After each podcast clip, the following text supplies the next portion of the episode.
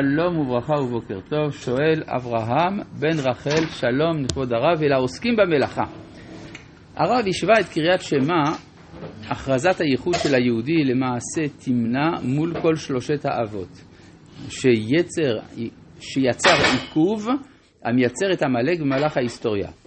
אין בכלל סיפור זה, איך בכלל סיפור זה שווה לאנוכי השם אלוהיך אשר הוצאתיך מארץ מצרים, הדיבר הראשון תולה את הקשר של עם ישראל לשם, אנוכי, כי אנוכי הוציא אותנו ממצרים. מה לדיבר הראשון ולסיפור שלושת האבות? תודה לרב ולעוסקים במלאכה, יישר כוח. התשובה היא שפסוק אנוכי, אף על פי שהוא נאמר על רקע יציאת מצרים, הוא אה, בעיקרו קביעה של הקשר בין הקדוש ברוך הוא לבין הנברא שלו, דהיינו במקרה הזה עם ישראל. ומי שהזהות שלו זה לשמוע את דבר השם, ממילא זה מעורר קנאה מצד מי שלא שייך לזה, וזה תמנע ועמלק וכו'.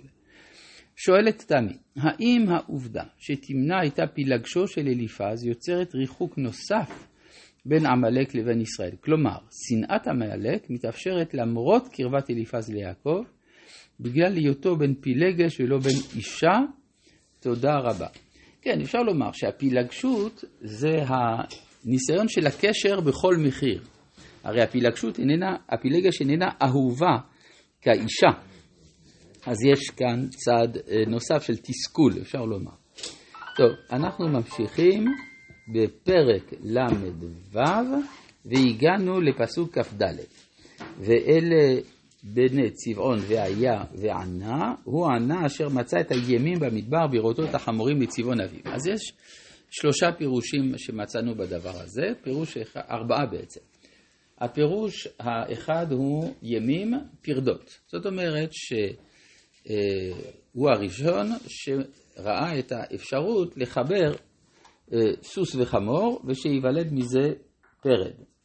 עכשיו השאלה היא, למה הסיפור הזה, מה, מה רוצים לומר לנו בזה? קודם כל יש צד של ממזרות, זאת אומרת, כמו שמצאנו שבמשפחה של בני עשו ובני שעיר יש הרבה ממזרים כפי שעולה מהפסוקים, אז כך אפשר לומר שיש כמין חיבור שבין שני מינים שאינם ראויים זה לזה מלכתחילה, וזה מוליד מציאות בלתי פוריה. רוב הפרדות אינן יולדות. אפשר לומר שזה גם רמז לזה, לדברים שיוצאים מכלל ישראל, אבל אינם אה, פוריים. מצאנו זבל פרדותיו, שהיו בריות אומרות, זבל פרדותיו של יצחק, ולא כספו וזהבו של אבימלך. זאת אומרת שהאומות ניזונים מאיזושהי הפרשה רוחנית של עם ישראל, אבל אותה הפרשה רוחנית איננה פוריה, היא פרדה. הפירוש השני ימים מלשון גיבורים, אימים, כן, כמו התרגום של אונקלוס, גיבראיה, גיבראיה, גיבורים, אימים, ימים, מה שהוא נלחם עם האימים במדבר, ואז יוצא זה מעשה גבורה שמציין את אותו ענה. יש אגב, ייתכן שיש קשר בין ענה לבין אנאוס. אנאוס הוא לפי הרומאים המייסד של רומא. לא, לא רומולוס העיר, אבל העם הרומי, הלטיני, מקורו באדם בשם לטינוס, שיצחק אברבנאל מזהה אותו עם לוטן, ומאדם בשם אנאוס, שהגיע לאיטליה. הם אומרים את זה בעצמם, זה לא דברים שאני ממציא, אז uh, יכול להיות.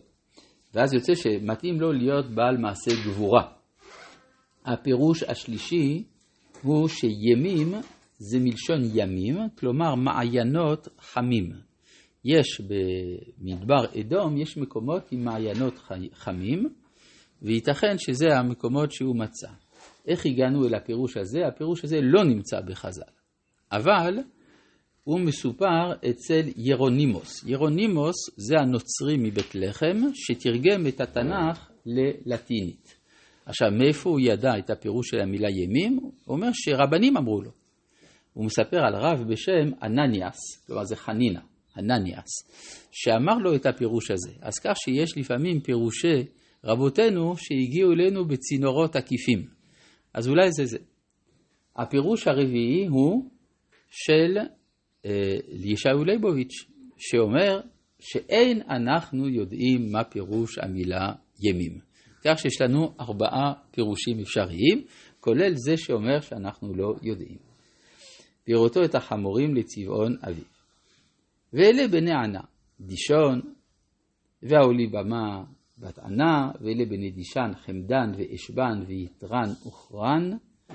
אגב, העולי במה בת ענה, זה, זה, זה, אומרת, זה מראה שהעולי במה מקורה ב, אה, בין בני שעיר. ואלה בני דישן חמדן ואשבן ויתרן וכרן. אלה בני עצר, בלהן וזעבן ועקן.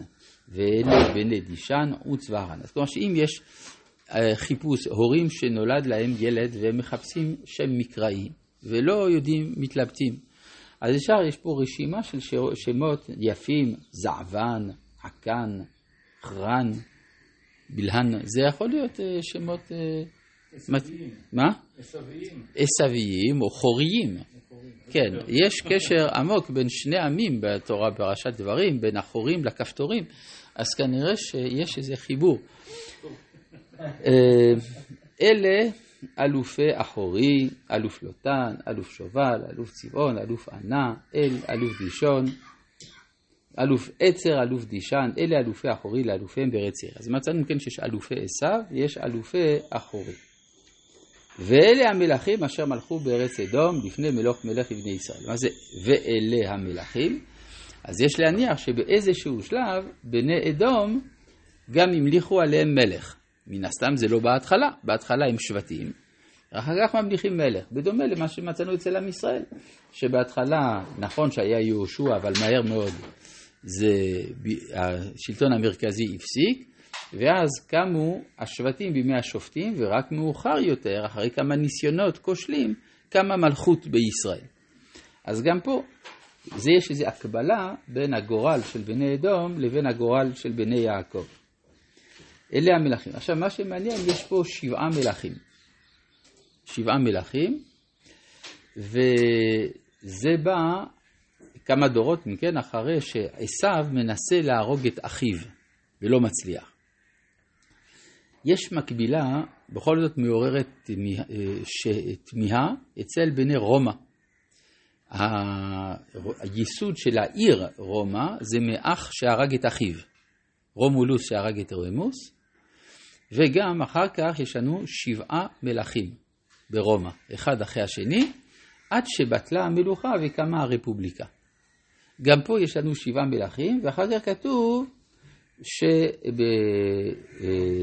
ואלה שמות אלופי עשיו למשפחותם, פסוק מ'. אז יש לנו שבעה מלכים, פתאום יש לנו אלה שמות אלופי עשיו. שוב, זה, זה נכתב. אז יש מי שאומר, באמת המלוכה בטלה אצלם וחזרה להיות רפובליקה או משהו כזה. זה מעניין שזה מקביל. אה, יש... אה. כן, לפני מלוך מלך על ישראל. עכשיו, זה, מי זה המלך הזה על ישראל? יש על זה כל מיני אפשרויות. אפשר להגיד לפני ששאול, אפשר להגיד שלפני שבכלל יש מלך, כלומר זה משה כותב את זה, עוד לא קם מלך, יכול להיות שהמלך זה משה. כל האפשרויות פתוחות, כולל של מבקרי המקרא. אבל uh, יש פה, אם כן, uh, על כל פנים, מה שחשוב זה שרואים שיש צורך לציין מלכות באדום לפני שמציינים מלכות בישראל. עכשיו, יש גם הבדל בין ארץ אדום לבין ארץ שעיר. כשבני ישראל בפרשת חוקת רוצים לעבור דרך ארץ אדום, הם שולחים שדר למלך אדום, ומלך אדום לא מרשה להם לעבור. לא כתוב מי זה המלך הזה, זה אחד מהשבעה מלכים כנראה, אולי האחרון שבהם. אבל ישראל, הוא לא נותן לישראל לעבור. לעומת זה, בפרשת דברים, משה מספר שבני שעיר הסכימו שיעברו. אז יש כנראה להניח שכל החלק של עבר הירדן, שמים המלח ועד מפרץ אילת, היה מחולק לשני חלקים, ארץ אדום וארץ שעיר. ארץ אדום מדרום, מקדש, כלומר היא פטרה ודרומה, עד אילת, והחלק הצפוני עד ים המלח הוא בני שעיר, ושם כן נתנו לעבור. כן, ואז זה מתרץ את הקושי. אז מה הקשר בין שעיר לאדום? מה, גם שם ישבו מבני, מבני אדום, כלומר מבני עשיו.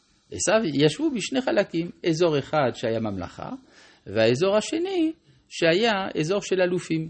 ושם כן נתנו לישראל לעבור.